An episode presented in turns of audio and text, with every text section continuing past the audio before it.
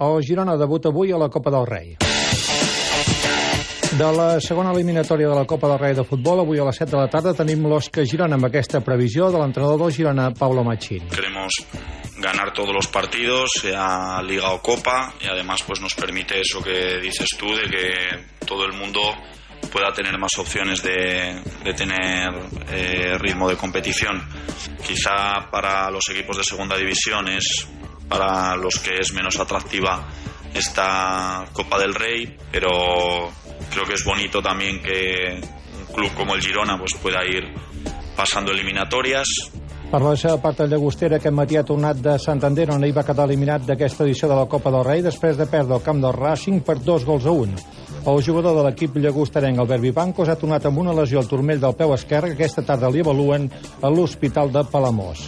Mentrestant, els seus companys d'equip s'entrenen aquest migdia a Llagostera per centrar-se en el partit de Lliga que tenen diumenge al camp de l'Hèrcules d'Alacant. L'entrenador Oriol Alzina ens ha dit això. Bé, la lesió de Bibi, evidentment que em preocupa perquè és un jugador molt important i esperem que sigui poca cosa i perquè és un jugador imprescindible per nosaltres.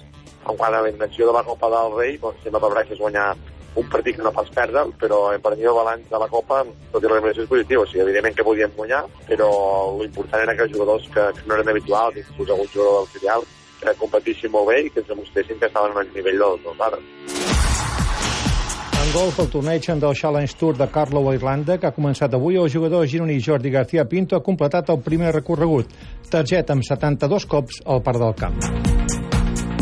En tenis a les pistes del Club Tenis Girona des d'avui fins dissabte s'hi fa la competició dels quadres principals femení i masculí del Campionat de Catalunya Absolut, avui amb tots els partits de quarts de final.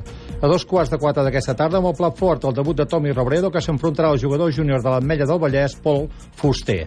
Després de mig any d'inactivitat per lesió del colze dret, serà el segon partit de Robredo, després del que va perdre abans d'ahir amb el rus Taimara Sangabashvili a la primera ronda del Challenge de Gènova a Itàlia. Content perquè bueno, vaig anar a Gènova i el braç de, de que no em va anar més el dolor, vaig poder jugar dos sets a un nivell molt molt alt, més alt del que jo m'esperava. Ahir em van trucar dient si volia venir jugar aquí a Girona al campionat aquest. Per mi jugar per ells ara és fundamental i més si ho puc fer davant de la meva gent, doncs més content encara, no? I a veure si puc guanyar avui i jugar un parell de partits que m'aniria molt bé pel rendiment del braç i també per anar agafant confiança. Als Jocs Paralímpics de Rio de Janeiro avui fa el seu debut l'atleta també olotí Xavi Porres amb la primera de les seves tres proves d'aquesta cita, la de salt de llargada. A la seva categoria T11, deficients visuals, amb un total d'11 atletes inscrits, ha de començar d'aquí menys de mitja hora a dos quarts i mig de quatre d'aquesta tarda, hora d'aquí. I en automobilisme volem explicar que el pilot de Lloret de Mar, Miquel Molina, s'ha desplaçat a Nürburgring, Alemanya, on aquest cap de setmana té la setena cita del DTM d'aquesta temporada. Aquest circuit, el mateix Miquel Molina ho considera l'escenari ideal per aconseguir un bon resultat personal i poder així millorar considerablement la seva actual setzena posició de la classificació del campionat. A Nürburgring, en un lloc talismà per nosaltres, vaig aconseguir la primera victòria al DTM l'any passat, un circuit que sempre se m'ha donat molt bé, on he aconseguit bastants pòdiums, eh, no només amb el DTM, sinó també amb categories inferiors. Podem estar davant, podem estar entre els primers i espero doncs, eh, poder aconseguir un bon resultat que també el necessitem aquest any, ja que després de la victòria de l'Aussitz Ring encara no hem aconseguit un altre bon resultat. Treballarem, seguirem endavant i, i espero doncs, eh, tornar amb, un, amb una bona posició i amb, i amb uns bons punts a la classificació.